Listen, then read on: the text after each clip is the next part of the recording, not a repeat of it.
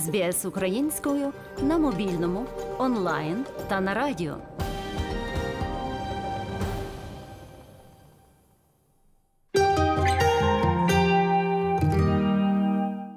Де шукати допомогу людям, чиї рідні страждають від ігрової залежності. Подолати ігрову залежність дуже складно, але якщо родина та друзі осіб, що страждають від неї, отримують належну підтримку, це може допомогти гравцям позбутися цієї проблеми. В Австралії допомога доступна не лише англійською, а й іншими мовами. За даними дослідження Австралійського інституту здоров'я та добробуту, проведеного у 2021 році, кожен третій австралієць купує продукти, які мають відношення до азартних ігор. 7,2% жителів країни перебувають у зоні ризику ігрової залежності. Ігрова залежність стає причиною фінансового неблагополуччя, проблем з законом та емоційних розладів. Вона негативно впливає на життя не лише гравця, але й його родини та близьких людей. Салі Гейнсбері, професор психології Сиднейського університету, пояснює, чому цей вид залежності наскільки складно подолати. Gambling can be easily hidden both online and offline. It's often called the hidden addiction because you don't see it in someone's eyes or smell it on their breath if they have a gambling problem. Online gambling brings that to the next level by obviously being able to be physically in the home. Азартні ігри дуже легко приховати як онлайн, так і офлайн. Їх часто називають прихованою залежністю, оскільки неможливо визначити по очах чи диханні, якщо у людини є проблеми з азартними іграми. Онлайн азартні ігри виводять на наступний рівень, де, очевидно, можна фізично перебувати вдома під час азартних ігор або робити це на мобільному пристрою. Отже, це дійсно подобається певній категорії людей, особливо якщо це онлайн ставки, це дещо інша аудиторія, ніж люди, що грають на автоматах для покеру. Але шкода така сама, і фінансові витрати ті самі. Процентне відношення осіб з етнічних спільнот, які грають в азартні ігри, таке саме. Водночас вони більше страждають від негативних наслідків. Наталі Рейд, директор управління по контролю азартних ігор у новому південному Вельсі. Вона пояснює, як культура людини може мати вплив на її ставлення до азартних ігор. So, quite often, shame and stigma are really big barriers uh, help seeking in people from culturally and linguistically diverse communities.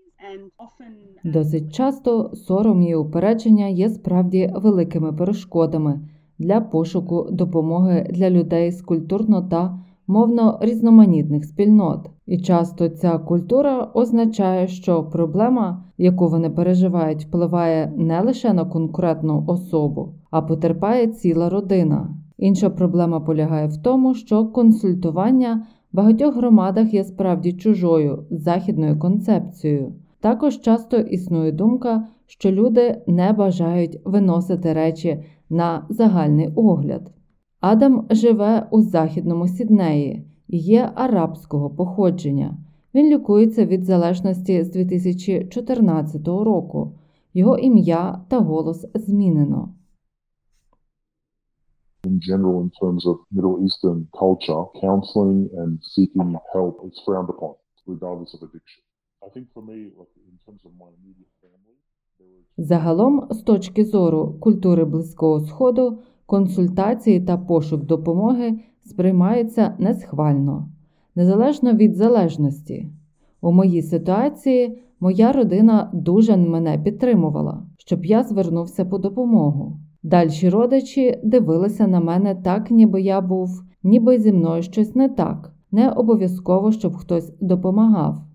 Професор Гейнсбері також є директором Центру дослідження та лікування від ігрової залежності Сіднейського університету.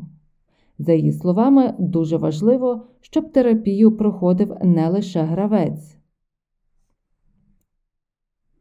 Obviously, one aspect is to work with the individual to manage their own understanding of gambling and use of gambling as a coping strategy. Звичайно, що одним з аспектів є робота з залежною людиною, навчити керувати своїми власним розумінням азартних ігор і використанням азартних ігор як засобу покращення настрою, а також дивитися на динаміку їхнього середовища, чи мають вони підтримку від близьких, чи розповіли вони про свою проблему з азартними іграми, чи їхня проблема з азартними іграми впливає на близьких людей, і як ми можемо налаштувати їх на прогрес, змінивши це середовище. Професор Гейнсбері зазначає, що багато людей не звертаються по допомогу фахівців.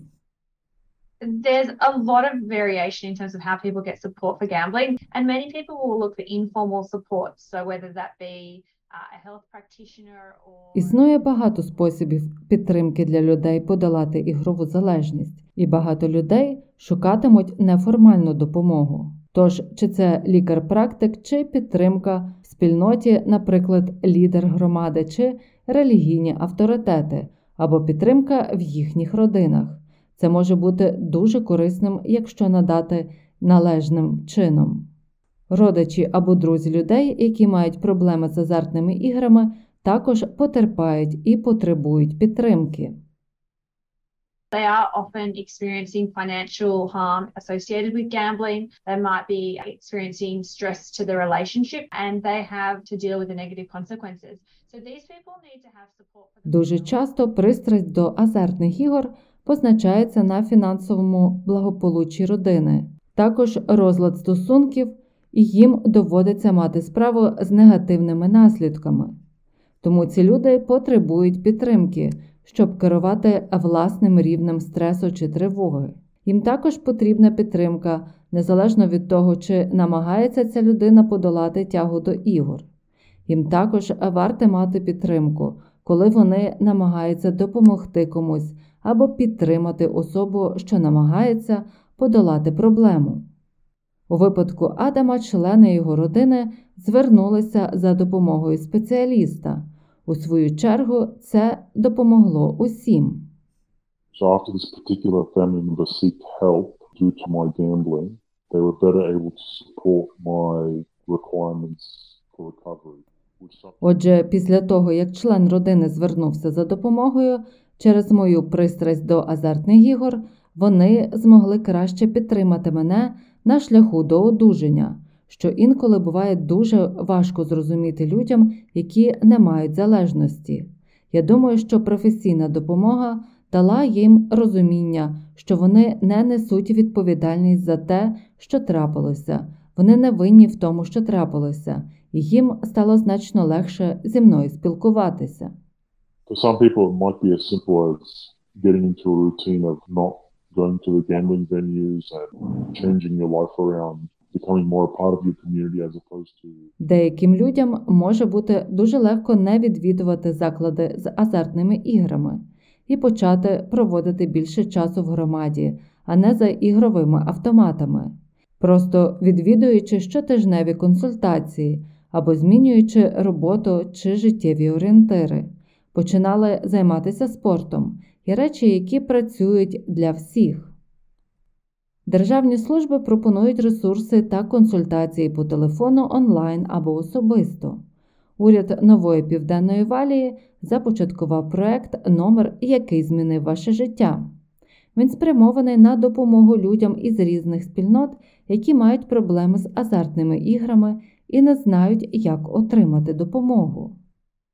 Першим місцем, куди звертатися за допомогою в новій південній валії, є проект Gamble Aware, пояснює Наталі Рейд.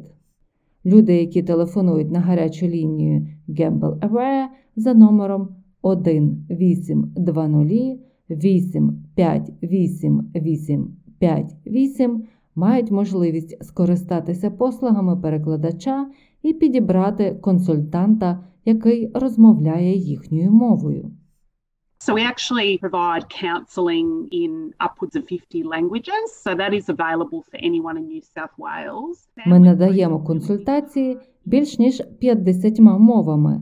Доступ до програми має кожен мешканець нової валії. Сім'я відіграє справді велику роль у підтримці людини, яка бореться з ігровою залежністю, тож консультації також надаються їхнім близьким. Важливість сім'ї, особливо в культурно та мовно різноманітних спільнотах, не можна недооцінювати. Звернення по професійну допомогу може вирішити як психологічні, так і фінансові проблеми гравця. Those that we support, about a third of our clients through Gamble Aware. Приблизно третина клієнтів, які звертаються на лінії Gamble Aware, це друзі та родина гравця. І ми знаємо, що дійсно ефективно при терапії підтримувати не лише їх, а й їхніх близьких. Це щодо психологічного консультування, але також доступна фінансова консультація, якщо у вас накопичилися борги через те, що член родини грає в азартні ігри, чи маєте певні фінансові проблеми. За словами Гейнсбері, першим кроком для близьких осіб з ігровою залежністю є усвідомлення того, що вони не самі, і що вкрай важливо отримати допомогу професіоналів. It's important for people to realize that there is a lot of support available for them. They're not by themselves. This is not a unique problem they have to face. Важливо, щоб люди усвідомлювали, що є багато програм підтримки, що вони не самі, що з такою самою проблемою стикаються багато інших родин. Як кажуть, спершу одягни власну кисневу маску, а потім допомагай тому, тому, хто має проблеми з азартними іграми. Але спробуйте заохотити їх звернутися за професійною допомогою. Консультанти роками навчаються для цього. Друг чи член родини не зможе надати аналогічний рівень підтримки. Якщо вам потрібна підтримка, телефонуйте за наступними номерами телефонів. Національна лінія допомоги з ігрової залежності 1820 858 858. Національна гаряча лінія з питань боргів 1820 207 207, а також лінія Helpline 13 11 14. Мар'яна Вотсон для україномовної програми Радіо СБС. СБС українською на мобільному, онлайн та на радіо.